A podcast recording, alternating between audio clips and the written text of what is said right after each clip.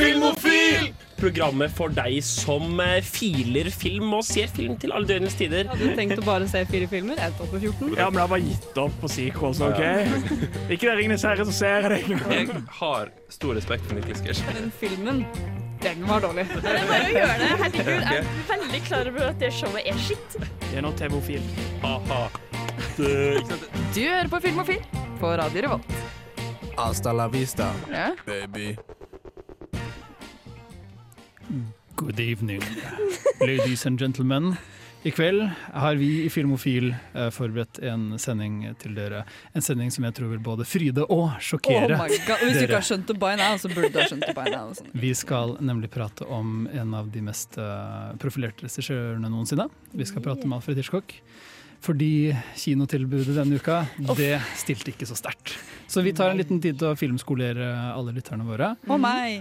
Og ja, fordi de som skal være med på denne klassetimen, det er selvfølgelig på teknikk. Trine. Og vi har min crazy sidekick. Jenny.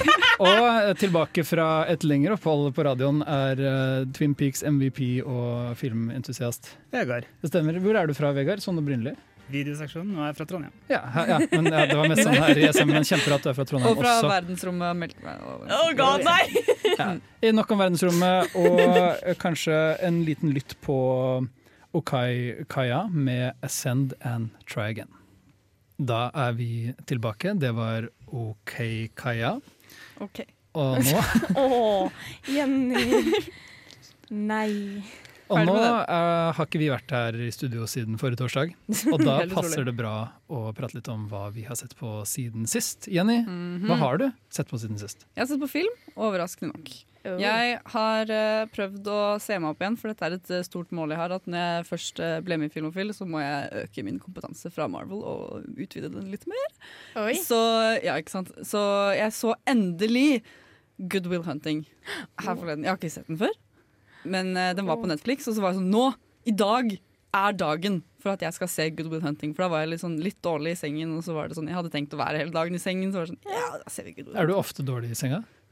Jeg vil egentlig ofte alltid være dårlig i senga, for jeg vil bare tilbringe all tid i senga med film. Men uh, fordi greia er at i, eh, jeg ville egentlig, grunnen til at jeg ville se Good, Good Will Hunting i utgangspunktet, er fordi jeg elsker Robin Williams Mm. veldig, veldig veldig høyt. Ja. Og Jumanji er en film Jeg elsker Jumanji så mye, og Robin Williams i den filmen er bare helt herlig. Jumanji. Dette er jo en veldig u-Jumanji-rolle for Robin Det Williams. er da. nettopp det. Fordi Så jeg var ble du tatt på senga over hvor seriøs filmen var? Nei, for jeg visste jo at den kom til å være seriøs. For jeg var litt sånn, ja, Ja, jeg vet Robin Williams fra Jumanji og hvordan han er liksom tøysete. Men så var det sånn, hvordan er han egentlig Good Will Hunting? Og han er, så, han er så flink i alt han gjør! Jeg Og så er det, men jeg likte det veldig godt, for det er en scene hvor han og Matt Damon sitter, og det er sånn andre Nei, tredje time, når de begynner faktisk å bli kjent, da. Og så da de, når de sitter og snakker, og så sier Ja, bare for, Når du sier sånn for å bli kjent, bare for å si litt hva filmen handler om, så handler det om en, Ja, okay. en en sånn veldig smart fyr som jobber som vaktmester på et universitet. ja, Se for deg liksom Ja, nei, hæ? Jo, The Man Who Knew Infinity og sånne filmer, liksom. Ja, men ingen har sett det. Det er ikke folk som vet hva den handler om. Liksom. Okay. Så det er bare sånn. Og, men, også, så han er egentlig veldig smart, men han har, kommer fra et fattig nabolag og har en del personlige problemer. da. Mm. Og så er, det noen, så er det en professor, Stellan Skarsgård, som får, Mhm. se, får øye på han og liksom er sånn Oi, du har masse potensial. Fordi han klarte å løse et, Mm. te, en teorem eller et eller annet sånt som sto på tavla. Så var det sånn, wow, shit, hvem klarte det her? Og så handler det egentlig om timene Matt Damon har med psykologen sin. Fordi Ja. Stellan Skarsgård sånn, hvis du skal lære fra meg, så må du først løse opp alle dine personlige problemer. Og da ble han sendt til Robin Williams. Ja. Og det er eh, den ene scenen hvor eh, når de først begynner å bli kjent med hverandre Fordi Matt Damon er jo litt sånn i starten bare Nei, jeg er en jeg, Tøffing. Ja, en rebell, jeg skal ikke være her. Og da er det eh, hvor eh, Robin Williams forteller den scenen med kona si at de var på fotball Nei, han skulle på fotballkamp eller noe sånt. Jeg husker ikke. Og så begynner de i hvert fall å le skikkelig skikkelig mye. Nei, det er den scenen er der han snakker om at kona fjerta i søvne. Det var det det var. Det var noe kona var. i hvert fall. Det, det var, uh, Matt Damon knakk jo i den scenen, og du Ja, ser at han skal egentlig ikke fly så mye. Det var det, var det jeg hadde tenkt å si også. Fordi Åh. det er kameramannen. Man ser at kameramannen også begynte å le. ja. Så du likte filmen? Jeg likte den veldig godt. Men jeg, var litt, jeg sovna sånn ish halvveis under filmen. Så det sånn. Så det er ikke terningkast seks, liksom? Nei, men det var mer fordi jeg var trøtt. Ja, ok. Jeg, hvis jeg ser den igjen, så vil jeg like den litt bedre. Ja. Hva med deg, Vegard? Hva har du fått med deg siden forrige gang eh, som ikke er Twin Peaks? Ja, nei, altså, En film jeg har sett i det siste, er oppfølgeren til Wreck-It Ralph, nemlig Wreck-It Ralph Breaks the Internet. Hva heter den på norsk? Riverolf knuser internett? Sikkert noe sånt. Og eh, Vel, den filmen er jo da for uh, Arkaden som Wreck-It bor i, får internettilgang. Og de reiser ut på et eventyr til nettsidene vi alle kjenner og er glad i, som uh, Pornhub. eBay, Pornhub, Twitter. Og filmen er en knallhard cash grab som ikke er verdt å se. Mhm. Ja, så du følte ikke at den hadde noe god liksom, kritikk eller Den, den har jo ikke den sjela og Som eneren har i det hele Nei, tatt. den er bare bort. Ja. Så du syntes det var en kynisk og kald film? Ja, det er en kynisk og kald film, men den er, den er litt underholdende. Så hvis man absolutt skal slå i hjel et par timer, så Ja, kan man gjøre det. det er liksom Det er Wreck-It Ralph, og det er Fix It Felix, og Felix og hun dama er fortsatt gift, liksom. Og de møter særlig den delen hvor de liksom skal inn til the dark webs, og så er det han fyren som skal hjelpe. Liksom. Det, er bare, det, er så, det er så teit. Men eh, de- den delen likte jeg litt godt. Og så var det en del hvor de også snakket om sånn programmering, og sånn, og så ble jeg sånn Jeg har lært om dette på skolen. Jeg kan dette. Jeg har ikke sett uh, Wreck-It Ralph uh, Breaks the Internet, men liksom, du skulle tro at oppfølgeren til en Oscar-vinnende animasjonsfilm hadde litt, uh, litt hjertelagt i seg. Det eneste grunnen til at den er bedre enn Emoji-filmen, er at den har kulere referanser. Vi lar det bli siste ordet. Nå skal vi gjøre Pellicat med So Is It True. Takk til Pellicat, og velkommen tilbake inn i studio, kjære lytter. Her uh, står vi og prater om hva vi har sett siden forrige gang vi var her i studio. Trine, hva har du sett siden sist? Faen da. Jeg har også sett Record Half 2. Syns den er like sjælløs og Nei. Det eneste jeg likte, var at de var i Disney. Og jeg er så jævla søkk. Men siden vi allerede sånn, har fått liksom Ja! en ganske knusende dom på Wreck-It Ralph 2, da. ja! Ja, Jeg kan bare fortsette å bare hive på det. Men jeg har uh, skaffa meg Viaplay. Woohoo! Egentlig kun for å se to TV-serier. Det er Legion, Yes! som jeg ikke har fortsatt å sett på ennå, Den er det shit, ass. og eh, Preacher. Yeah. Så på en måte to tegneserieadaptasjon, litt sånn ukonvensjonelle tegneserieadaptasjonsshow. Ja. Hvem av de liker du best, da? Uh, så jeg, jeg har sett mindre av Legion enn jeg har sett av Preacher. Ja. For Preacher har jeg sett en hel sesong av. That's right. Og første sesongen av Preacher er ikke det beste jeg har sett i hele verden. Den, er, den bygger seg opp veldig sakte. Jeg skjønner ikke hvordan jeg skal forklare det heller. Nei, fordi den er veldig rar. For det handler egentlig bare om at det er en preacher. Det handler om at han kommer til en ny by som er veldig veldig, veldig liten. Det er egentlig ikke en by, det er mer sånn Eller han har tatt over faren sin kirke Det er greia. i hans Og småby. så er det egentlig, handler det egentlig bare om han som prøver å finne ut hvem han er i denne byen. Da. Dette er også plottet til Presten, den NRK-serien med Bjarte Tjøstheim.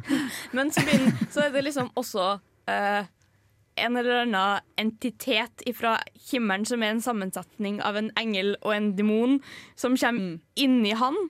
Så han endrer seg basert i løpet av første sesong. Jeg, liksom, jeg starta på første episode i sesong to. Det, er, det blir så mye bedre. Nice. Fordi serien finner liksom seg sjøl og finner ut at jeg skal være rar. Ja. Jeg skal være enda mer rar.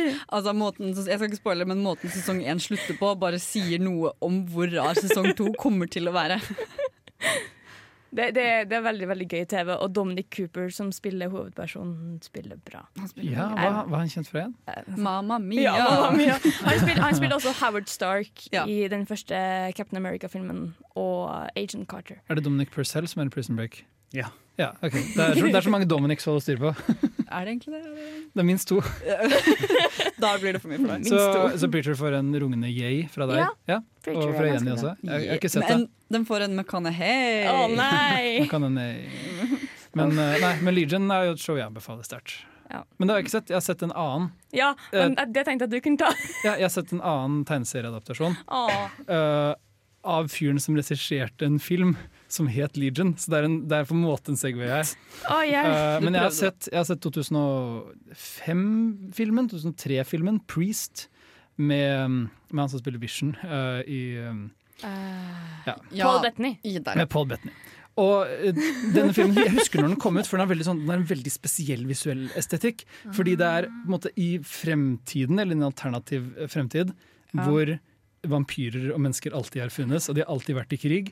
Og så har kirken på en måte skapt en sånn Orwellian, altså en sånn Blade Runner-aktig by, stat, hvor de er, vi er trygge fra vampyrene. da. Fordi de hadde priests, Og Priest var på en måte bare mennesker som var trent til å være drapsmaskiner, så de bekjempet alle vampyrene etter flere sånn tusen år med, med, med krig.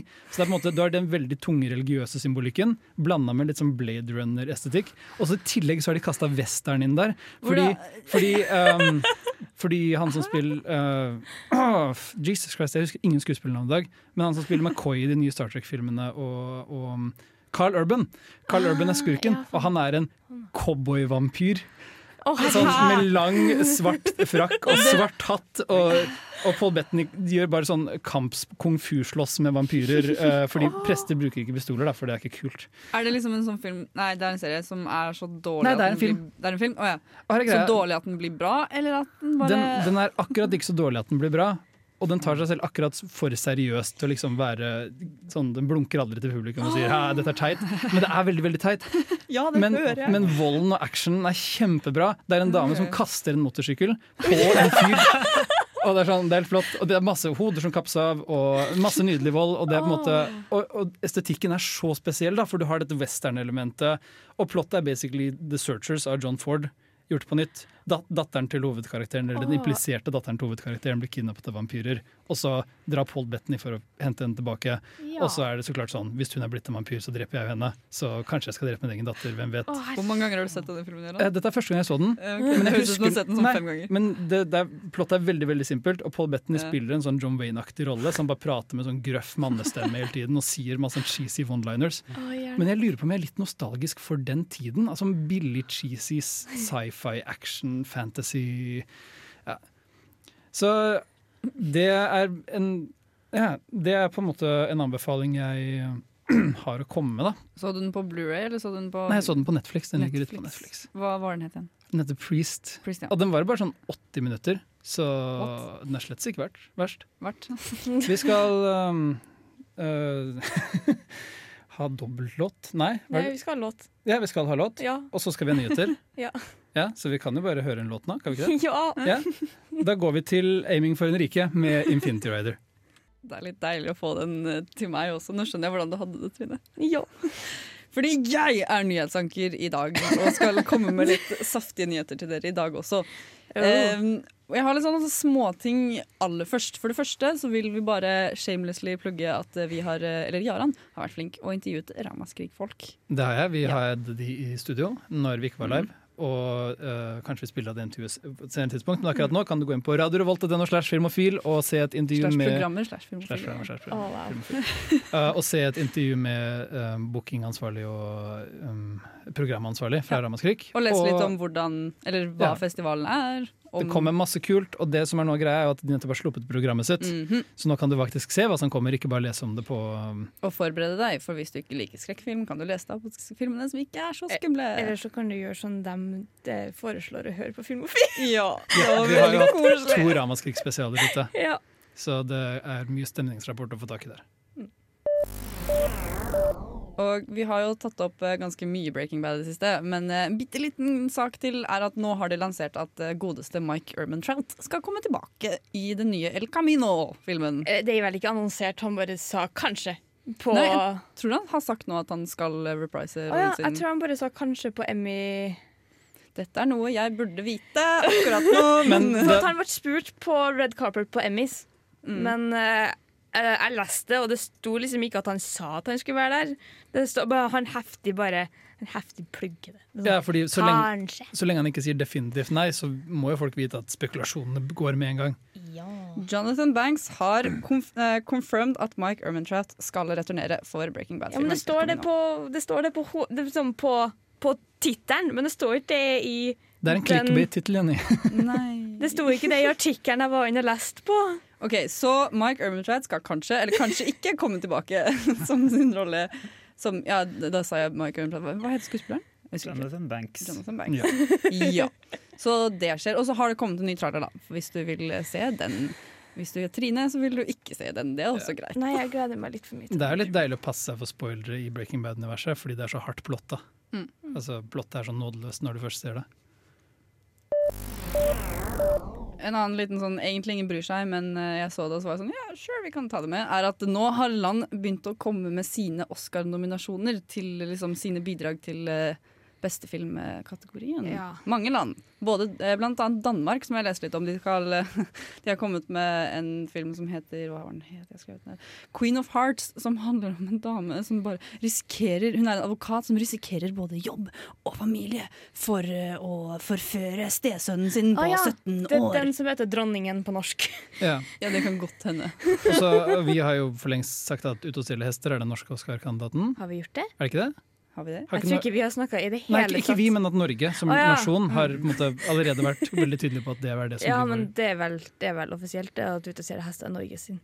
Hmm, da går det dårlig med Norge i år, kanskje. Mm, oh, wow. Ja, men Det var din anmeldelse av Ute og stjele hester på sånn to sekunder. Jeg har faktisk ikke sett den, men jeg baserer det på at pappa så den, og han fortalte meg at uh, han syntes den var helt OK. Ja, egentlig. Nå til litt bedre nyhetene. Og det er veldig gøy nyhet at uh, Midtsommer, etter, eh, nå som de skal lansere filmen sin på eh, Blu-ray og DVD og sånn, så har de laget en liten, uh, liten video på YouTube hvor det står nå Now on digital! Og så har de liksom filmen og alt sånn, og så på slutten så er det sånn Vil du vinne gratis parterapi i tre måned måneder? Så fra et eh, i regi av Talkspace, som er et online eh, og mobilt terapiselskap. Da. Så du kan vinne ved å kommentere på denne videoen eh, og tagge din eh, significant other i denne videoen. Så kan du da vinne parterapi for tre måneder. Det burde parene i midtsommer, altså hovedparet i midtsommer ha gjort, fordi de trengte Ja. det virkelig. Men står det noe om det de kommer til å slippe Directors Cutten også på Blu-ray? Ja, det gjør det. Hey. Fordi det er eh, at de skal ha extended eh, director's cut på DVD-en og Blu-rayen, som vi har kanskje snakket om før også. Ja, At den kom på kino på nytt, liksom. Men spørsmålet er Ja. er det nå tilgjengelig, går det an å få Ja, sett den kommer til å bli sett, Ja. fordi det han også vil er at den fører mye mer inn i filmen. Og sånn. Det skal visst være veldig bra, da. Jeg gleder meg veldig til å se det, for jeg elsket 'Midtsommer' veldig mye. Ja. Men jeg vil liksom ikke gå på kino og se den på nytt, egentlig. Nå Uh, får du den på Blu-ray. så det passer perfekt for meg, for jeg kommer til å kjøpe den. Yeah.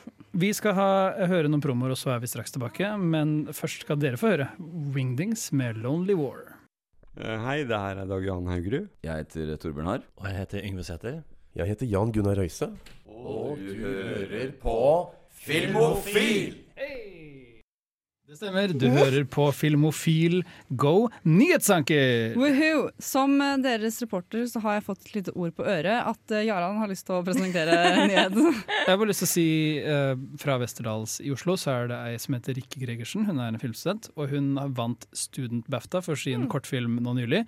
Og fikk eh, Student Oscar for den i tillegg. Så vi har et frem, liksom en up, up and coming uh, ung filmskaper her i Norge. da. Og kvinne. Og kvinne. Det Å, det er nice. Uh, jeg har ikke fått sett filmen som heter De hensynsløse.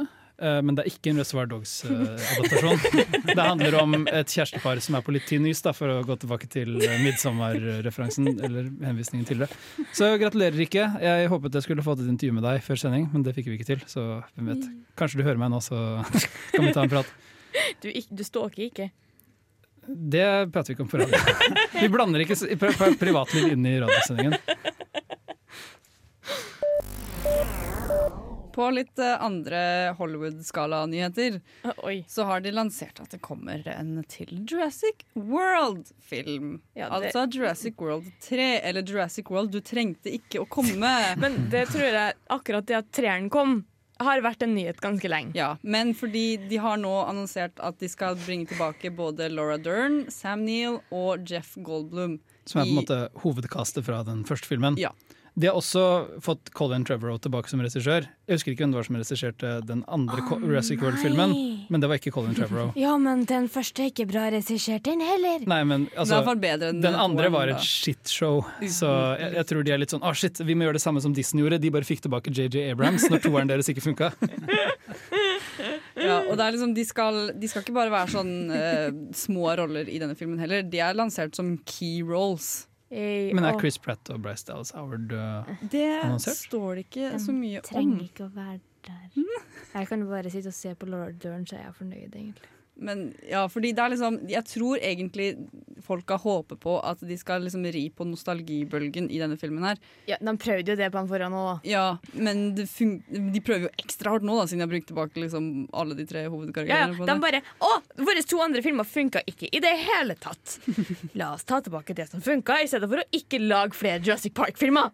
Men det er også så teit, fordi måten toeren sluttet på, den ender jo med at det er liksom en dinosaurauksjon som har gått feil, og der har blitt sluppet løs og alt sånne ting. Og så sprenger de opp hele verden, basically. Og Spoilers, by the way. Ja, Men da, men den filmen meg, kan bare spoiles fordi spoile. Hvem bryr seg? Har du sett, Spoiler vi Jurassic World 2 for deg nå, Vegard? Ja, det gjør dere. Jeg bryr meg ikke. Så du er ikke en fan av den nye Jurassic World-filmen? Nei. Er det ikke flaut hvor, hvor dårlig de ser ut, sånn sammenligna med den originale? Ja, det ser jævlig ut. Ja, men så det, det, det skjer, og den kommer i 2021, tror jeg det.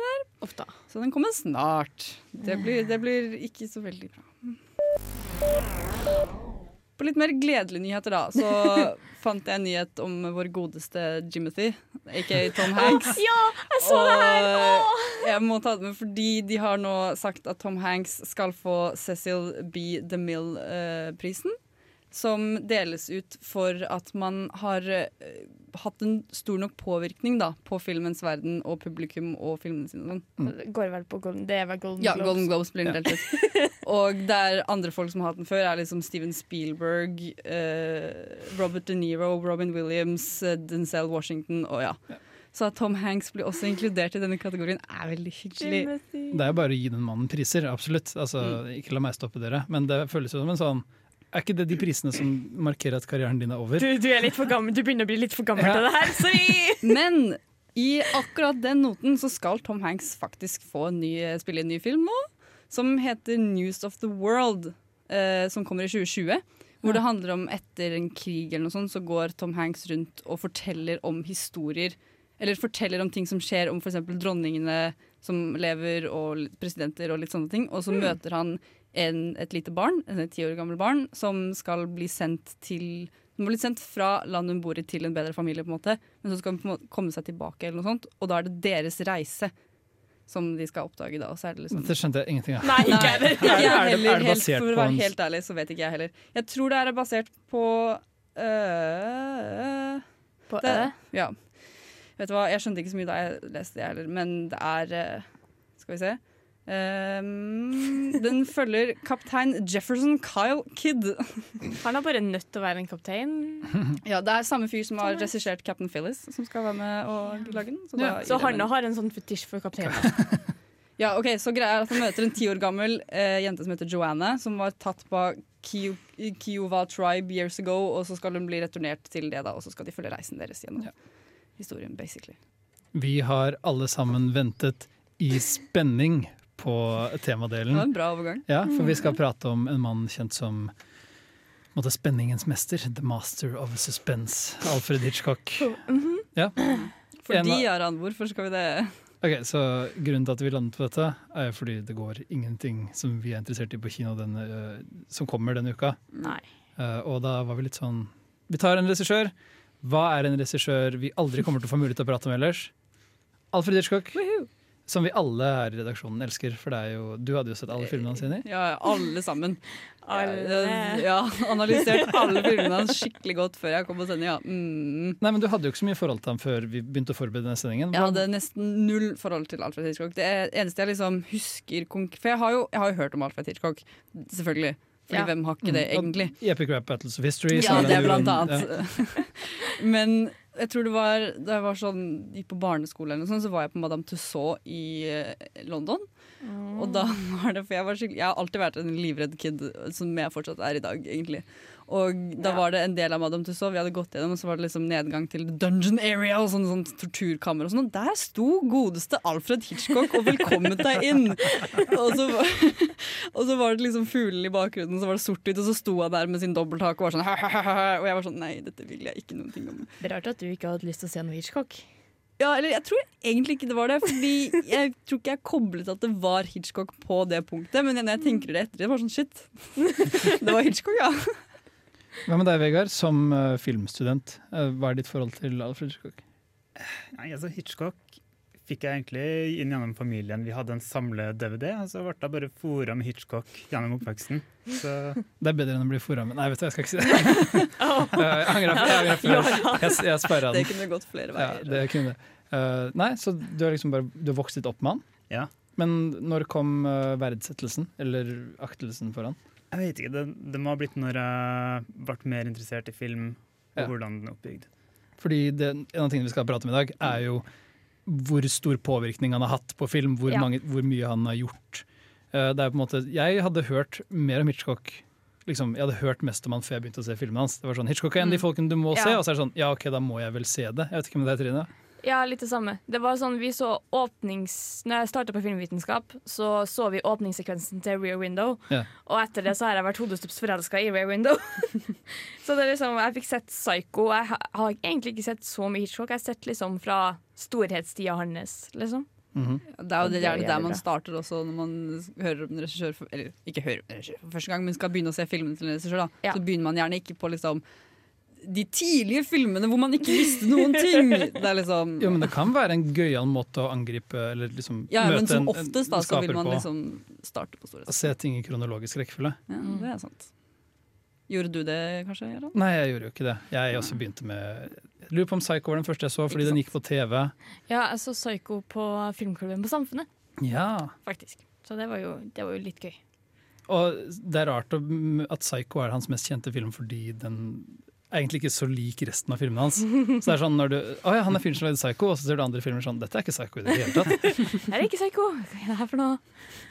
Men han var jo Han har hatt på en måte, hans skygge eh, det tårner over film eh, Altså alt av film vi ser fremdeles, spør du meg. da Jo Ja. mer vi satte oss inn i det, jo mer respekt får du egentlig for, eh, for fyren som en filmskaper. Ja. Og det er jo en fyr man har som jeg sa, altså det er, man har hørt om Hitchcock som oftest. Det var overraskende nok jeg sa liksom til folk at, ha, at vi skulle ha Hitchcock-sending, så var det sånn hva, hva filmer Og så var jeg sånn Mest sannsynlig har du hørt om da Psycho eller Vertigo eller uh, Rear Window eller noe sånt. Men det var mange som var sånn Hvem, hvem var Hitchcock igjen? Ja. Så ble det sånn Ha, jeg vet Altså, Hitchcock altså er. noen som tror han er Kubrick. Er det? Ja, det kan Ja, det var noen som sa at han hadde lagd The Shining til meg en eller annen gang. Når var det? Var det om dagen? Mandag. Ja, det var på mandag. Du husker det, du? Det er jo uh, Vertigo slo jo ut Citizen Kane på Sight and Sound-lista. Den sånn alle filmelskeres mest høytholdte liste over filmer, topp 250 filmer. Nå ligger den på toppen, i hvert fall fram til 2022. Så han fikk nok en liten sånn ekstra renessanse da, for han har vært litt sånn inn og ut av in and out of style, som de sier. Uh, så det blir gøy å få prata litt godt om Hitchcock i, i dag. Og vi har forberedt oss godt, har vi ikke det? Nå har jeg også sett Hitchcock, så det, eller sett filmen til Hitchcock, så noen av de i hvert fall. Skryt til skade. Ja. Vi tar en pause fra skryting og hører Exploding Head Syndrome med You Have Your Dreams, I Have My Nightmares. Exploding Head Syndrome tenker jeg at er en sykdom jeg godt kan stå over. Jeg lurer på om det finnes en vaksine mot det, og det håper jeg at det gjør. Vil du ikke at hodet ditt skal eksplodere? Av og til, men ikke, ikke akkurat nå i hvert fall. Det hadde ødelagt det er veldig dårlig radio. Det hadde vært veldig dårlig radio. Det som er god radio, det er Alfred Hitchcock og hans liv og leven. Og det er så god radio, det. Ja, det er så god Ja, radio. for, ja, skal jeg bare ta det videre, Aran? Hvorfor ikke? Ja, da gjør jeg det. Fordi vi, han godeste Alfred Hitchcock, hvis du sitter nå hjemme og, eller, et eller på bussen, eller hvor enn du er i denne verden, så lurer du sikkert på Ja, men filmofil, hvor, dere må si litt hvem er egentlig Alfred Hitchcock? Nå skal jeg si deg. Han ble da født Vi starter i, fra, fra begynnelsen. Han ble født i 1899, altså veldig, veldig lenge siden. 13. august. Ja, det er i samme år som en annen filmlegende, Humphrey Bogart, også ble født. Fun fact på Filmofil. Wow! Det er sånn Hvis vi skal knytte opp sendingen her til noe i det hele tatt, så får man bare ta at det er så og så, så mange år siden han ble født. Men det som er litt gøy, som jeg ikke visste også, var at tydeligvis så har han eh, Det står ved siden Hvis du googler han på Wikipedia, så står det ved siden av navnet hans KBE, som betyr at eh, eh, det er tydeligvis The Most Excellent Order of the British Empire, som er en Wow. britisk eh, order of chivalry. Men han ble ikke slått til ridder? Nei, det står ikke. Nei, han, er, det står han han fikk en medalje, liksom. han heter liksom sir Alfred Hitchcock, da. Da ble han slått til ridder. Ja, blir, ja, jeg kan ting. Og så Men den eh, KBE-greia hans, det var fordi for eh, contributions til eh, arts British, og science og sånne ting, da, tydeligvis. Så han, er til, så han, så han har en greie. Han Han, ingen, liksom. ingen har hørt noen ting om, men det, det er faktisk en greie. Hvis du googler det, så finn ut mer hvis du er interessert. Han er en veldig kunstnerisk ridder, da. Ja, det, det kan man jo si, da. Ridder er ikke det de en gang var. ass. Det er ikke noe skinnende rustning på Hitchcock. Å, det hadde sett, det hadde sett bra ut. Altså. Hadde ikke kommet seg inn i en skinne. Ja, skal, vi bare nevne, skal, vi, skal vi bare nevne elefanten i rommet med en gang og si at Alfred Hitchcock var en mann som veide veldig mye gjennom hele livet sitt. Han har en veldig sånn spesifikk rett og slett en skikkelse, bokstavelig talt. Ja. Omrisset av Hitchcock er nesten litt mer ikonisk enn mannen selv. Ja, og så særlig det, det er litt gøy hver gang du ser på bilder av Alfred Hitchcock, så, Hitchcock, så det er liksom, man ser at han er eh, the, the master of suspense bare på trynet hans. Fordi han er alltid, øynene hans er alltid så sykt store, og så er munnen hans sånn, eller et eller annet sånt grimas, og så har han en dobbeltlaken sin. Og det er sånn, han er liksom klar for å skremme deg i alle bildene han er i. Gjør det i kamera. Det syns jeg, jeg, synes jeg er litt morsomt. og eh, Men vi glemte å nevne at han er både regissør og produsent. Da. Ja, Det kan man altså, si. Produsent betyr jo at han eh, fikk tak i penger til sine egne filmer. Produserte noen av de selv. Eh, han lagde vel et par av filmene sine under United Artist, og da var jo en av stipulasjonene for United Artist ofte at du Ja. hadde kreativ kontroll over egne filmer. Mm. Så Mm. Ja, og så Ja, fordi det er liksom Det er Alfred Hitchcock Herregud. Hitchcock. Skal vi kalle han det Hitch? Kan vi kalle han Alfred, bare? Bare er vi på fornavn? Alf. Jeg føler ikke at jeg er på fornavn med Alfred Hitchcock. Altså. Kan hitch. Alfie.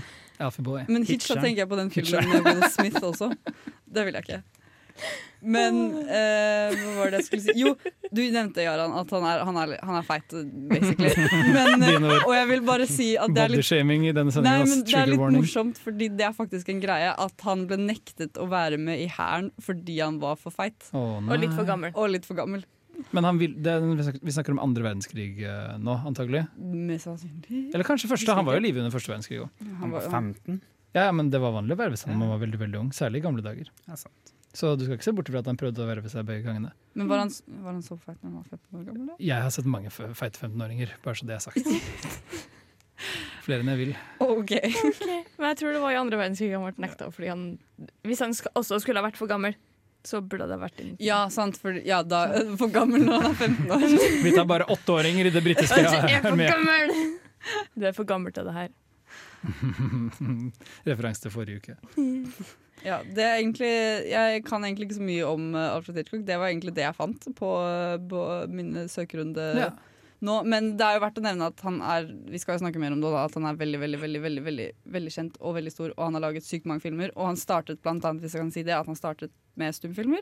Ja. Som vi også skal snakke om. Han begynte liksom å lage filmer allerede i 1925, så da var han Mm. drøyt eh, Når var det du sa han var født igjen? Nei, ikke 19. 1899. Ja, og altså 25, Nå orker jeg ikke gjøre matten, men måtte, han, han var tidlig ute i filmindustrien, og han ble til sent på 70-tallet. Han har alltid vært der. Uh, jeg tenker Vi prater litt mer om måtte, hva han gjorde tidlig i karrieren sin, etter at Mm. vi har hørt Sibir for the few. Hitchcock-praten fortsetter her i Filmofil. Oi. Og nå har vi pratet litt om eh, liksom, hvem Hitchcock var for oss, og hvem han var rent historisk. Men ha- verkene hans i film, da, som har påvirket så mye film, og øh, som er så tydelige Han hadde en veldig sånn en, Nesten en stil. Han, det, han er blitt på en måte En ting er at han som person er blitt litt sånn foreviget og larger than life, men filmene hans òg hadde en veldig sånn det er, en veldig, det er veldig bestemte troper da, som han benyttet seg av, er vel det jeg egentlig prøver å si. Ja. For det er, det er jo generelt sånn med regissører også som er blitt så store. Man ser gjenganger i filmene deres. Som oftest Ikke vær helt stille nå, Høyre. Men som man også ser i filmene hans. Man ser jo liksom det er, et, det er et par ting som går gjennom i nesten hver film. Men at det si. alltid er en eller annen blondine som, Ja. det, er, det er en av de. som er med. Dette var jo um, annet tema for en, en TV-film om Hitchcock, faktisk. Om innspillingen av The Birds, hvor Tippi Hed, uh, Tippi Hedren. Hedren, er det sånn du taler navnet hans? Hennes? Ja, Hedren. Spilte den altså, Hitchcock-blondinen, da, som alltid er med. Ja. Hvor han visstnok liksom, Jeg vet ikke om dette er sant, eller om det bare er en TV-film hvor de fant det på, men han liksom stalket henne og var litt sånn innpåsliten, og det var litt vanskelig for henne. da. Men jeg kan se for meg at Hitchcock var litt creepy. At han kanskje var litt sånn, ja. Men en ting, fordi jeg husker ikke hvem som sa Jeg tror kanskje August sa det til meg en gang. At Hitchcock var øh, Han li, ville egentlig lage sånn spionfilmer og sånn. Han hadde en kjærlighet for sånne spionfilmer og James Bond-filmer og sånn. De Ja. kom etterpå, de da. Jo, vi skal prate litt om spionfilmer. Men fordi i spionfilmer sånn, så var det jo også Det er jo også kjent for å ha masse blondiner og sånn. Så Ja, han kunne jo likt James Bond-bøkene. Ja, men der ja, det står A blonde woman appear. Nei, men han var jo, James Bond-filmene ble jo store rett før, altså på 60-tallet, når han Ja, ja, lagde var- en del okay. av sine store filmer. Så absolutt, det Kan det ha vært noe påvirkning der også? Jeg mulig. Og mange, En annen tropen hans er jo at det ofte er intriger og hemmeligheter. Statshemmeligheter eller andre Mm. den typen ting. Det er ofte um, Det innebærer ofte forvekslinger, identitetsforvekslinger. identitetsforvekslinger. Feil mann på feil sted osv. uh, det er uh, en ting som ofte går igjen i filmene hans. Ja. En del teknikker som blir brukt ofte. Uh, dette zoomet som vi, om, som vi har pratet om utenfor sending. Du kalte det Jeg kaller det vertical zoom eller dolly zoom. Ja, hva er det egentlig? Det er når du eh, zoomer inn eller ut på en karakter mens du beveger kameraet frem, eller forover eller bakover motsatt, sånn at eh, subjektet blir like Mm. stor i bildet. Du føler liksom at bildet blåses opp, Ja. istedenfor at du får en sånn zooming-effekt. Omgivelsene krymper eller Mm. øker i størrelse rundt personen. Og det er en ting man ser veldig veldig ofte i dag i film. Ja. Og det er en film, veldig fin måte å få fram liksom, også litt panikk da, hos uh, karakterene. Og det er jo Den gjør det bra i åpningsscenen i Vertigo, der Vertigo-zoomen kommer fra. Og når vi prater om vertigo, høydeskrekk, eller eh, høyder, er jo også en ting som Det er sånn, du tenker, er det en trope? Men når du ser Hitchcock-filmer, så Ja, du, er det en trope? det er nesten alltid noen som balanserer eller henger fra en kant, en høy kant. Ja, det er sant det. Sånn sjokkerende ofte. Og det, han er veldig glad i dette, denne vinkelen som er på en måte de henger fra kanten, og så filmer du de ovenfra. Akkurat som Mofasa gjør i 'Løvens konge', før Skar kaster han av kanten. Det er på en måte, det shotet er veldig Hitchcock igjen, da. Ja, Han liker å ha det litt på kanten. Da får du alltid det shotet etterpå der de detter ned, og så er det sånne gamle spesialeffekter. Oh, Ja. ja. Og så ser man sånn halvveis green screen bak også. Når vi faller. Ja. Men ikke noe Wilhelm Scream, da, dessverre. Nei. Det, det var ikke en trope han benyttet seg av. Et par andre ting vi ofte kunne finne igjen, er en at kanskje det han gjorde han, måte, Det var ikke hans ord, men han, han gjorde, det er han som har gjort det til en skript. En ting man prater om når man prater om liksom hva, Mhm. hvordan et skript struktureres. Og det er ordet ordet guffin, Ja. uh, som krever en god mytologisk sånn, eh, utpakning, egentlig. Fordi det handler om Når du ser en film, så er det ofte en ting som på en måte driver plottet fremover. Men som egentlig ikke har så mye å si. Eller Hvorfor- egentlig ikke ingenting. The Maltese Falcon, da, så er det bare en statue av en falk.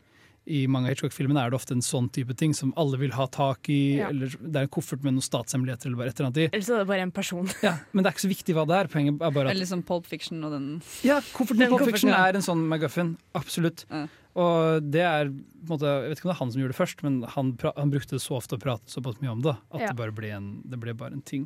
Må også sies at han har veldig mye cameo i filmene sine. Ja, det er en annen ting. Jeg vet ikke om han er the OG cameo man, liksom. Nei, jeg vet ikke. Men han har en del.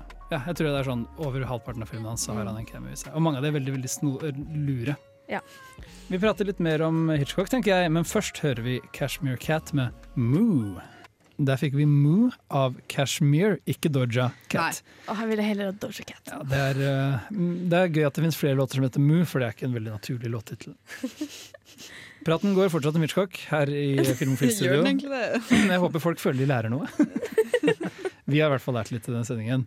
Og nå skal vi begynne å prate mer konkret om filmene hans og de ulike ærene i Hitchcocks liv, og hvor ting kommer fra. Og litt mer filmer også. Sa, for du sa jo at han ble slått til ridder, så det er på en måte implisert hvis vi ikke sa det eh, altså at han er brite. Ja. Og det betyr at de første filmene hans lagde han i Storbritannia. Han var, han er, var en britisk filmskaper. Og han begynte jo stumfilm, som du sa. 1925-ish er første filmen hans. Ja. Men den første filmen som virkelig ga han stor suksess, det var en annen stumfilm som het The Lodger. Mhm. Der, sånn, Det skal vi egentlig ta mellom, uh, mellom pratebitene, men nå gjorde jeg det i studio. Og uh, The Lodger er en litt sånn Jeg har jo sett den, da, og jeg syns det var en veldig gøyal film å se. Fordi vi pratet nettopp om tropene hans, og det er så mange troper i den filmen. Jeg vet ikke om du har sett den? Nei? Ok, Da er det kanskje bare jeg som har sett den der. Men jeg har lyst til bare å si veldig fort om den. Fordi Det er sånn uh. Det handler om en seriemorder som dreper bl unge blondiner ved å kvele de, som er en av Hitchcocks favorittdrapsmetoder. Kveling, knivstikking og skyting og sånn. Ja. Var- han sa en gang Ja. at kveling er den beste måten å holde på spenningen på, fordi du, liksom, du kan zoome inn på ansiktet til folk, og du har hendene rundt halsen, og du kan liksom lage en hel montasje av kveling. Da. Og han syntes det var en veldig god måte å drepe folk på. Jeg vil ikke skjerm. være fascinert av det her, men jeg er veldig fascinert av det. Jeg tar det til meg. Ja. Hvis du vil at det skal være spennende å drepe noen, hvis du vil liksom være sånn, kommer de til å klare det eller ikke, så var kveldig. Det, det der hørtes veldig sketsjy ut. Jeg tar det som til meg. Ja. Uh, så det, det var en av hans um, ja, anbefalte drapsmetoder. og vi skal sikkert prate mer om det. Men jo, så det er denne seriemorderen som kveler unge blondiner. Mm. Og uh, det har en twist-ending på slutten som handler om identitetsforvekslinger. og den har en mann som henger fra en kant. Oh, og, Den har også den første cameoen fra Hitchcock. Ai, den har det! Jeg så ikke den, jeg så Den, filmen. Men det, det, står, ja, står på TV Trops. Nice. Så det er veldig mange Hitchcock-tropes som dukket opp i den allerede. Mm. Og jeg tror det er den første filmen som ga en sånn at folk var sånn Oi, dette er en kjempegod thriller, for han hadde ikke lagd noen noe særlig thrillere før det. Mm. Kanskje bare to eller tre filmer eller noe sånt. Så gikk det bitte litt tid, og så i 31 eller 30 så 29. 29? Hvis du ah, ja. skal til første, Den første, første, talkisen. ja, den aller første uh, lydfilmen, britiske lydfilmen, lagde Alfred Hitchcock. Så den første amerikanske lydfilmen kom jo i 27, da, når The Lodger kom ut. Warner Brothers lagde The Jazz Singer, men når Storbritannia endelig skulle få sin første lydfilm, da var det Hitchcock som fikk lov å lage den. Sir Alfred Hitchcock. Og Blackmail òg er en sånn Det er en del uh, Hva skal vi kalle det? Sånn Hitchcock-troper i den òg, da. Så stilen hans var veldig tidlig til stede, og så har han på en måte bare finpusset og, og formet den og eksperimentert med den siden da, tenker jeg da, egentlig. Ja. Så den britiske perioden hans er, er interessant. Uh, det er også The 39 Steps, som jeg tror er den mest sånn høyt, den som er på en måte høyest holdt i akt av de britiske filmene hans. Uh, den, har den, den er på en måte der hvor det er tydeligst, for da prater karakterene.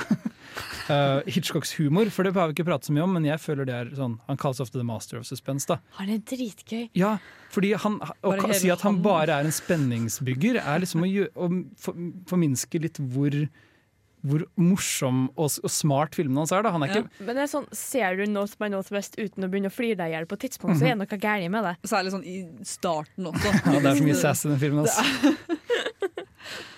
Og den filmen er sånn 50% screwball-komedie, eh, for den handler om en mann som havner i en identitetsforveksling. da. Yep. Og så når han skal rømme fra politiet, så festes håndjernet hans Eller han øh, lenker seg selv fast til en annen dame, så hun, og så mister de nøkkelen, så da er de lenket fast eh, liksom, Altså, gjennom hele filmen. Men sånn skal sies, det, var, det er en liten uh, Hva var det Nei. Å, nå glemte jeg hva jeg skulle si! Det var noe morsomt. Jenny! Vet du hva? Uh, Vet du hva? Jeg, glem- jeg nei, for nei. da, da tror jeg heller bare vi sier sånn Den britiske perioden til Hitchcock, det er veldig tydelig hvilken stil han hadde. Mm. Og så uh, begynte folk internasjonalt å få et øye opp for han. Og da uh, kom fort uh, Det var vel David O. Selznick som lokket, han til Amerika, og det skal vi prate mer om etter Free Nationals med On-Site Feet Jid, Kaja Bonnet og Mikna! Wow. Der er vi. Wow. Ja, men er det var tilbake- veldig brå slutt, OK? Ja, det er, det er sånn vi liker det her Jeg prøvde ikke å være Owen Wilson, OK? Alle som sier hva var minst 10 av Owen Wilson. Vi pratet om Hitchcock, og det gjør vi fortsatt. Og vi pratet litt om at en av favorittdrapsmetodene hans var å kvele folk. Og nå skal vi gå til topp én, to, Nei. tre! Og det stemmer, vi skal prate om drapsmetoder. Og det var litt sånn, Skal jeg spørre dere hvordan dere helst vil dø, eller hvordan Nei. dere helst vil drepe noen selv? Wow. Altså, først hadde du en topp tre-listen hvor eh, hvilke, hvilke sykdom ville du helst hatt fra en sånn? Og nå vil du vite hvordan vi skal dø. Er det noe du planlegger? Ja, eller Mm. du... Eh, ja, han har jo stilt spørsmålet hvis, Ja. hvis du dør og jeg havner på sykehuset. ja, det er sant. sant. ja, går det bra? Det, det går bra med meg, men med dere det får gjester også. jeg begynner å bli bekymra. Så vi skal arrangere drapsmetoder Alfred Hitchcock har brukt på film. Så jeg har okay. gått for, han har brukt veldig veldig mange, så jeg har ikke plass til alle. Så jeg har tatt liksom de tre jeg følte var mest sentrale. Da. Mm. Og det er um, på måte, å falle fra en veldig stor høyde. Dette er på tredjeplass?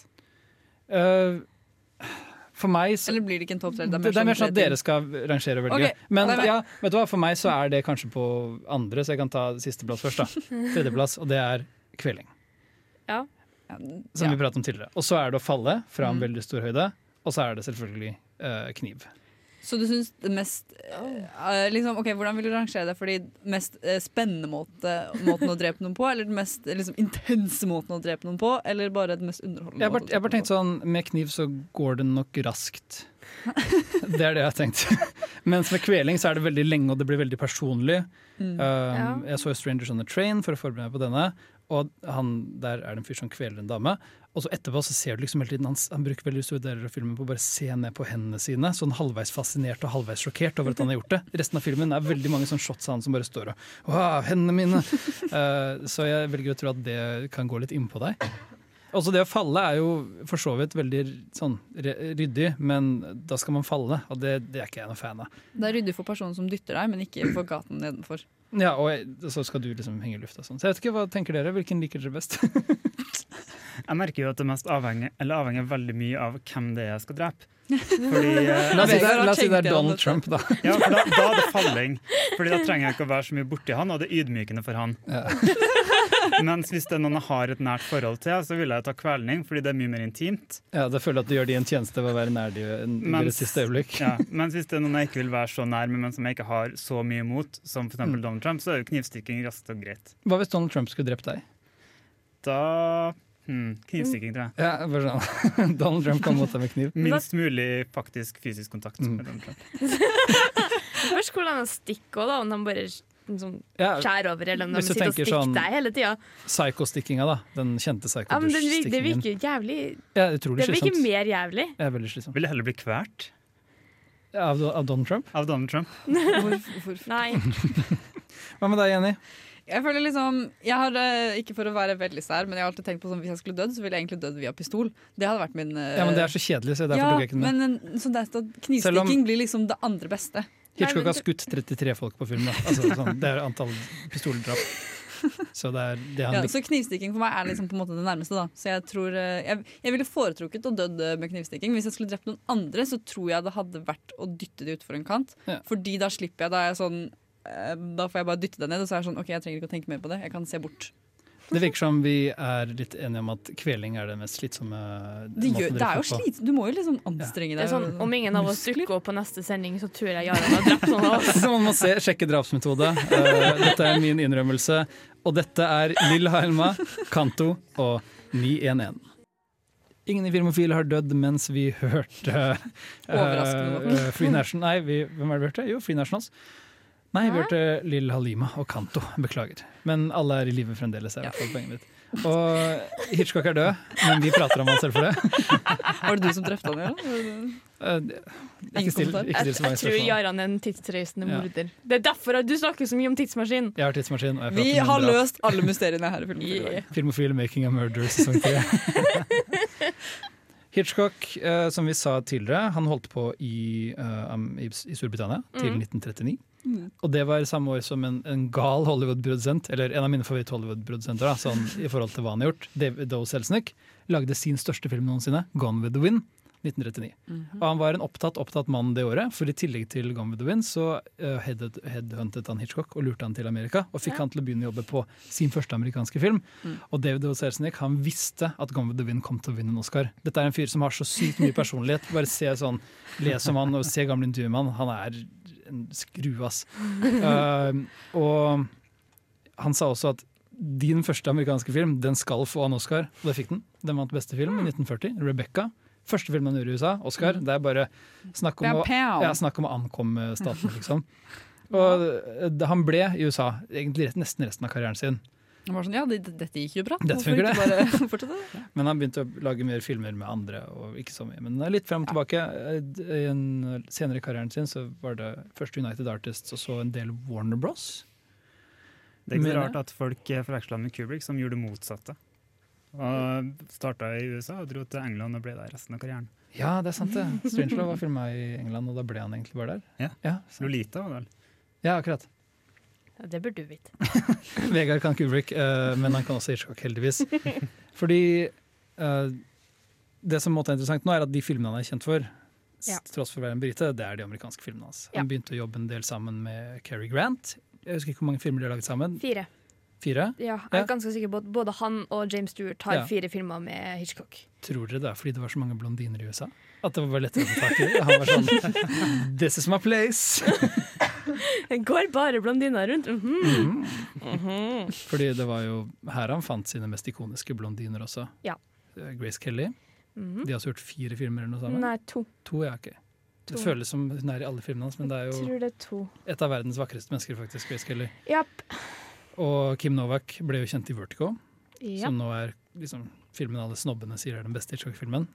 Det er ikke min favoritt, Nei. eh, selv om jeg liker den veldig godt. Min favoritt er North by Northwest. Har dere en favoritt Hitchcock? Jeg har den samme. Ja, det er det. Hei, Vegard og jeg er Hitchcock-brødre.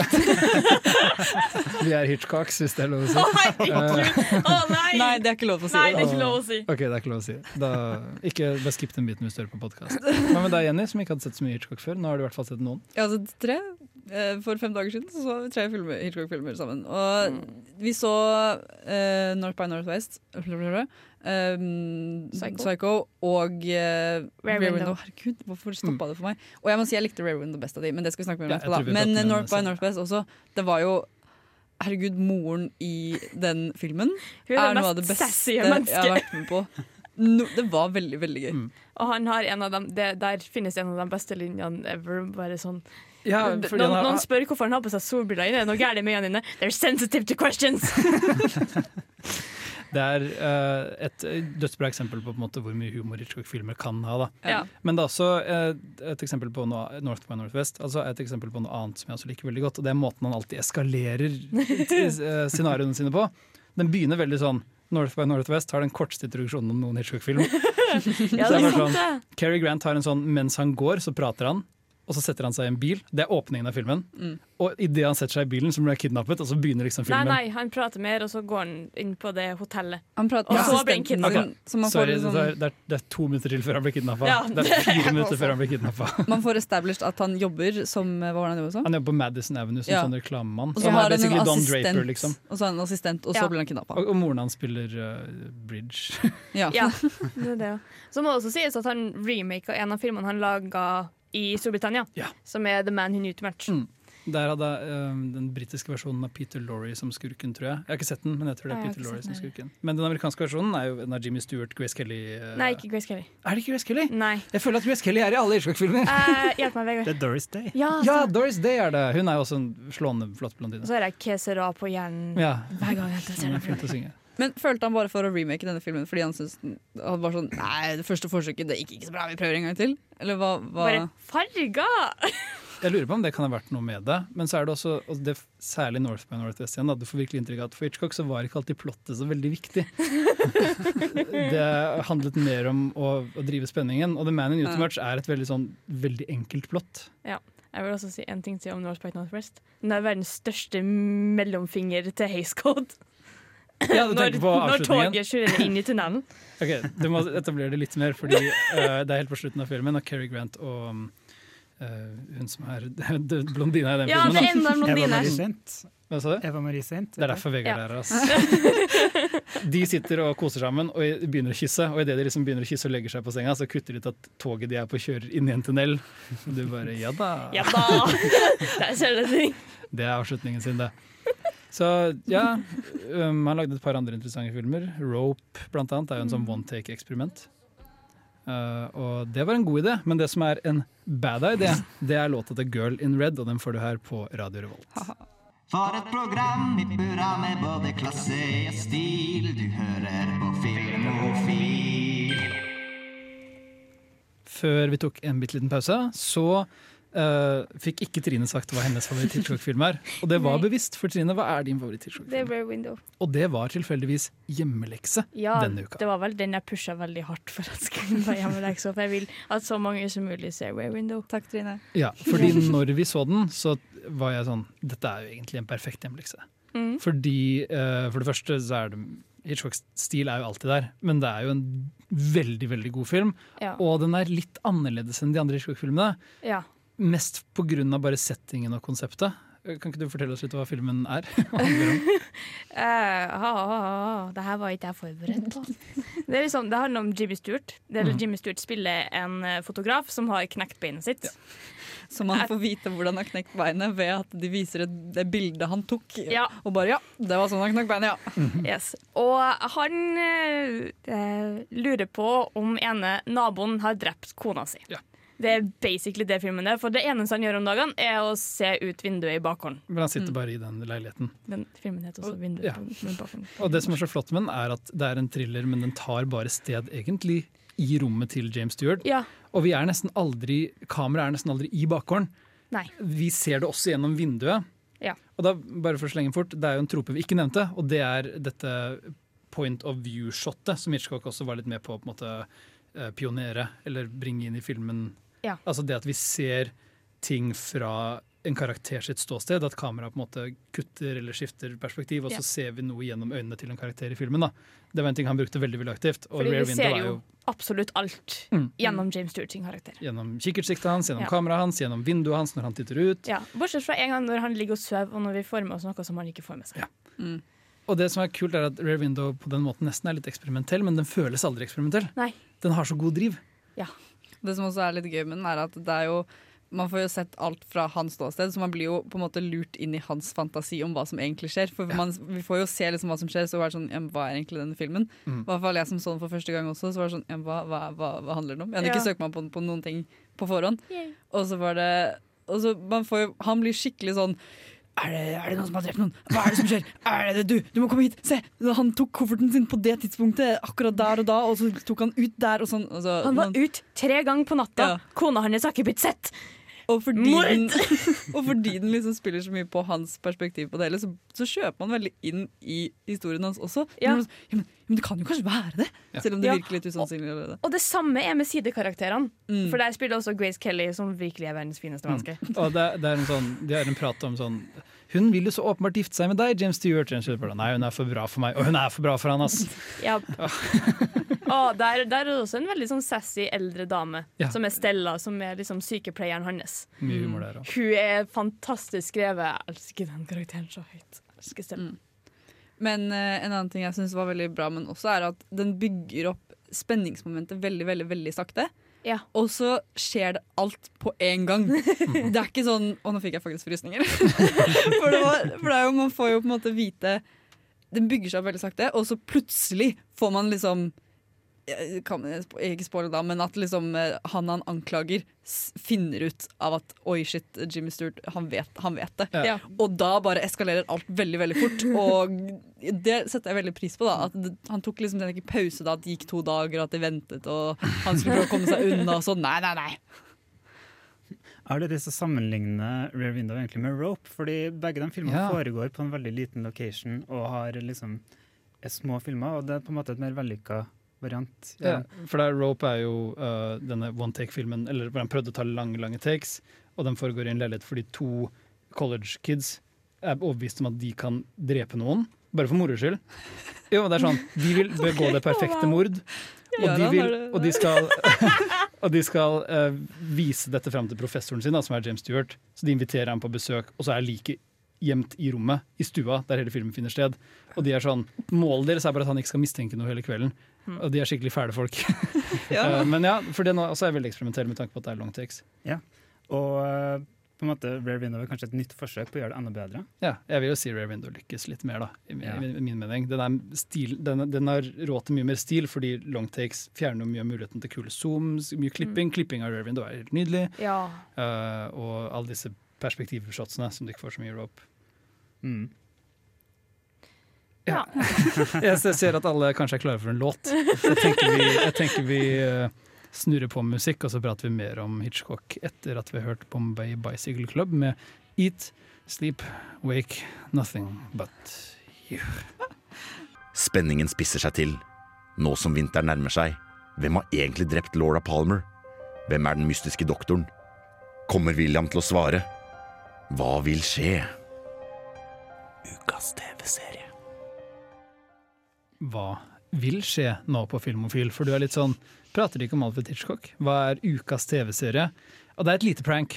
Uh, fordi, Vi skal snakke om TV-serien. fordi Hitchcock gjorde en, et, uh, skal det, et move. Han, han gikk over til TV. Ja. Han fortsatte å jobbe som filmregissør og lagde flotte filmer på den tiden òg. Ja, ja. Men uh, rundt 53 så kom Alfred Hitchcock Presents. Jeg har sett én episode! Hei, den har jeg sett. Ja, Alfred Hitchcock. Husker du hva det var? Det var om ei som hadde drept mannen sin, og så har hun hatt den i fryseren. Mannen? Ja, Altså ikke mannen hennes. Ah, ja. Hun har drept mannen hennes. Mm. Og så har hun hatt mannen i fryseren. Og så har politiet kommet på besøk. ja. Og så, mens politiet har vært i stua, så har hun holdt på og lagd mannen som middag. Nice. Og servert til politiet. Ja, det er bare å ta det til seg, Vegard. Ja. og Ja. når vi prater om Jeg skal eh, holde meg unna det her. Vegard. mord Men det er jo Mord det er jo et godt eksempel på hva Alfred Hitchcock-prosent var. Fordi det var en antologiserie som vi i dag Ja. har veldig veldig mye av. Men det var ikke så vanlig på den tiden, og i hvert fall ikke spenningsserier. Nei, og der hadde jo også han som kommer og presenterer Så først. Derfor Alfred Hitchcock Presents. hver uke så hadde han da antagelig også produsert den TV-serien, og av og til regisserte han noen segmenter her, har jeg lest. mm -hmm. uh, som han presenterte en ny liksom, TV-film, da. Men han var med i alle episodene. Ja, men det var gjerne sånn Ok, så introduksjonen der er en av grunnene til at han er så ikonisk i dag. Fordi eh, de spiller denne um, March for, Funeral March for a Marionette, som Ja. eh, Jeg prøver å huske hvordan den går nå. Husker du hvordan den går? Du, du, du, du, du, du, du. Ja. Derfor har vi med Vegard. Og eh, så er det en tegnet silhuett av Hitchcock, Ja. og så ser du silhuetten til Hitchcock matche Som også over den. Hitchcock har tegnet selv. Ja. Og den er på en måte Dette gikk på TV så ofte. De, showet gikk jo inn i såkalt syndication, som er at det Ja. kan gå for alltid. Uh, og da gikk det rett og slett for alltid. Og da ikke sant, så ser du ansiktet til Hitchcock hver uke på TV. Det, har, det gjør jo noe med folk. Og sånn, så starter det med 'good evening'. Good evening. Ladies and gentlemen. Ja, men Hitchcock eh, Han lagde jo Vertigo mens han også produserte Alfred Hitchcock Presents. Mm. Og han lagde mange av filmene sine, men den filmen som kanskje er tettest knyttet opp til TV-prosjektet hans, da, Mm. det er Psycho. Ja. Uh, og det, ja. For når folk tenker på Psycho, så er det sånn Det er den svart-hvitt uh, knivdrapfilmen. Ja. Og så ser du alle de andre filmene han lagde rundt den tiden, og det er den eneste svart-hvitt-filmen hans. Ja.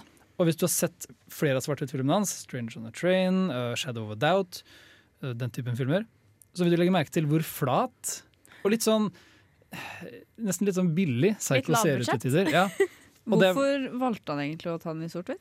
Det var vel litt på grunn av dusjen, Ja. også med tanke på eh, Sånn hvordan bra. blodet så Mm. ut. Ja. Liksom. Volden i Psycho er jo liksom Det er lettere å komme unna med det svart-hvitt, da. Ja. Det er sånn som den scenen i, i, um, i Kill Bill, hvor de kutter til svart-hvitt Ja. uh, for å slippe å, å få for høy rating på sensoren, liksom. Så det kan ha vært, definitivt vært en del av det, men det er også fordi eh, Psycho, som handler om en morder som kler seg i kvinneklær og dreper bl.a. en naken kvinne i en dusj da, på 60-tallet på store Mm. kinoer. Ja. Det er ikke helt sånn Produsenter og, og sensorer var ikke sånn 'Å, dette er vi glad for at du lager, Alfred!' Nei, ikke storfornøyd. Så um, det var ikke så mange som hadde troa på prosjektet, inkludert Hitchcock selv. mener jeg. Ja. Uh, så når han filmet det, så filmet han det med TV-crewet, de som jobbet på Alfred Hitchcock Presents, ikke de store uh, liksom, cinematografen og, og andre det crewet han vanligvis jobbet med når han lagde store filmer, da, Ja. som liksom tilhørte et studio som Warner Brothers eller Universal. Og um, på en måte til tross for de spede begynnelsene til Psycho. Jeg tror, han, jeg tror de pratet om at de skulle dele den i to, og ha det som to episoder av Alfred Hitchcock Presents. Så det har kanskje vært liksom før mordet og etter mordet? Ja, Liksom. det kunne på en måte vært verdens sykeste two-parter. eh, Bare for å gå bitte litt tilbake, også, så, så betalte han jo for hele filmen selv også. Ja. Ja, det gjør han. Og det skal også sies at det var, liksom, var på starten eller noe sånn at det ble sagt bare sånn ikke, ikke spoil. Ja, Ikke- det er i traileren! Sånn, ikke spoil filmen for folk, for en vær så snill. er. Ja, fordi I traileren så er det sånn på slutten så står det noe sånn um, Hva er det det står? Jeg skrev den ned, for jeg syns det var veldig morsomt. Det er sånn, Du må se den fra starten, eller ikke i det hele tatt! Mhm. Fordi ingen skal bli satt seg ned Eller skal sette seg ned etter at den har startet. For den ble jo markedsført som Janet Lee, Janet Ja. Lee, Janet Lee. Janet Lee dør. Jeg er sånn, Til tross for at veldig mange av filmene hans er så ikoniske nå at de fleste på en måte vet hva som skjer i de, så er jeg litt sånn, jeg kvier meg alltid litt for å spoile Psycho. Jeg visste ikke hvordan Psycho kom til å bli. Jeg visste ikke at uh, han morderen kom, var, var liksom moren sin. Jeg Nei. visste ikke det, jeg visste bare dusjscenen. Det var alt Ja. jeg hadde liksom basert filmen på. Så jeg trodde det kom til å komme sånn til, i slutten av filmen, og så plutselig kom det og, OK, er det, er, skjer det her nå? Det er jo en, en del av min kjærlighet for Psycho er hvor sleazy den filmen er. Det jeg sagt mange ganger, men det er sånn, alle i den filmen er sånn Hovedkarakteren vår, Marion Crane, hun er bare en sånn dame som er utro med en mann Hun er og, den mest interessante karakteren. og stjeler penger. Jo, men det er sånn alle, alle, er bare sånn De føles så, som sånne hverdagslige og kjedelige folk som liksom har litt sånn shady motivasjoner alle sammen. da. Altså de særlig i starten på banken også, bare Men jeg anbefaler Psycho kjempe, kjempemye. En flott film, Mm. selv om den der er lagd av litt billig TV-crew. Den ser helt nydelig ut. Uh, vi skal høre noe som jeg håper høres nydelig ut. Første gang jeg hører 'Found Me' av Men I Trust. Rett før vi hørte uh, Men I Trust med 'Found Me', så pratet vi om Psycho. Ja. Kanskje Hitchcocks mest ikoniske film. Og vi tenkte vi skulle avslutte Hitchcock-praten ikke så mye med det han gjorde etter Psycho, selv om det er mange ting folk mener er bra der, Frenzy osv., så, videre, så er det på en måte det var der han kanskje peaket, og der han nådde toppen av sin mest kreative periode. Ja. Uh, vi har ikke nevnt at uh, Dialem for Murder var filmet for 3D. Mm -hmm. uh, litt sånne ting, Så det er masse å sjekke ut der. Han lagde over 60 filmer. Ja. Eh, men det er også interessant å se litt på en måte, hva har hans eh, På engelsk heter det legacy, på norsk heter det ettermæle, eh, for eksempel. Hva har, hva har det vært? Hvor, hvor finner vi Hitchcock i dag? Jeg tenker, Overalt, egentlig. jeg tenker jo bare på dusjen. Dusjen har jo blitt parodiert så mange ganger. Det er liksom for Simpsons, Family Guy, Ja. Robot Chicken. For liksom for sånn uh, Jamie Lee Curtis som er dattera til Janet Lee har Mm. parodiert det sjøl. Kjempegøy. Men liksom for uh, det blir vel to år siden nå, så kom det en eh, dokumentar som handler kun om dusjen. Hvor lang er dokumentaren? Husker du det? Er det, en sånn, er det en time? Er en to? Den gikk på Ramaskrik, gjorde den ikke Ja, den gikk på. Ramaskrik. Jeg tror den var en time Den var godt over en time. Fyll en kanskje- hel time med det, med de, liksom, det minuttet i uh, Ja, med filmhistorien. liksom snakk med forskjellige filmregissører og Elijah Wood og etc. etc.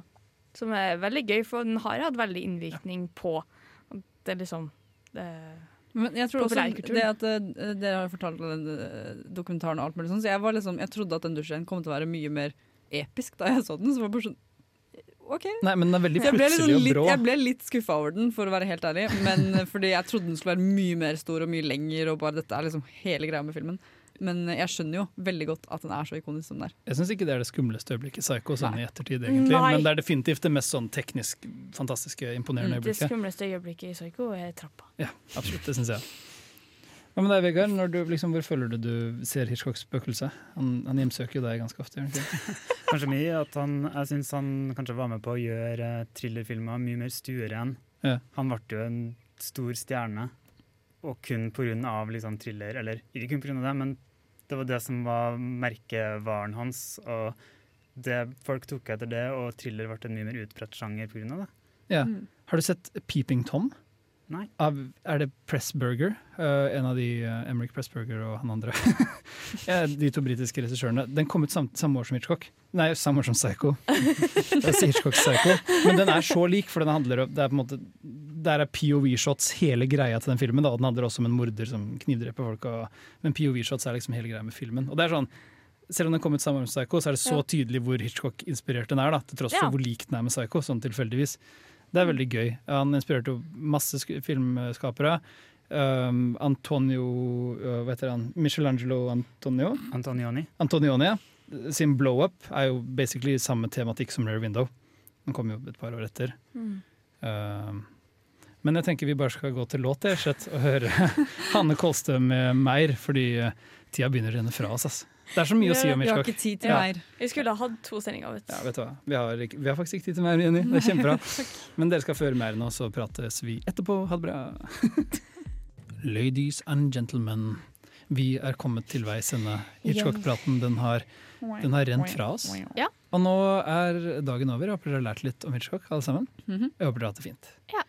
Til neste uke så kommer The Joker ut på kino, og den filmen er så Spøkulfen. Ja, hæ? Spøkulfen. Å, herregud, nei. Hva er det du prater om? Jenny. Jeg vet ikke, jeg trodde OK. Ja. Vi har ikke, vi har ikke nok tid til det. Fortsett. Joaquin Phoenix spiller uh, The Joker, Mm. og derfor skal vi prate litt om han. Det har vi bestemt. Og i den anledning så er en av mine favorittfilmer med han i Paul Thomas Andersons The Master. Jeg tror den er på Netflix. Det er hjemmelekse til neste uke. Se den, for vi skal prate masse om den. Joaquin Phoenix, og det blir selvfølgelig anmeldelse av The Joker. Veldig mye å glede seg til. Vi har vært på Teknikk. Trine. Jenny. Vegard. Jeg heter Jaran, og vi skal høre Free Nationals med On Site Feed Jid, Kaja Bonnet og Mikna, fordi den låta her, den elsker jeg!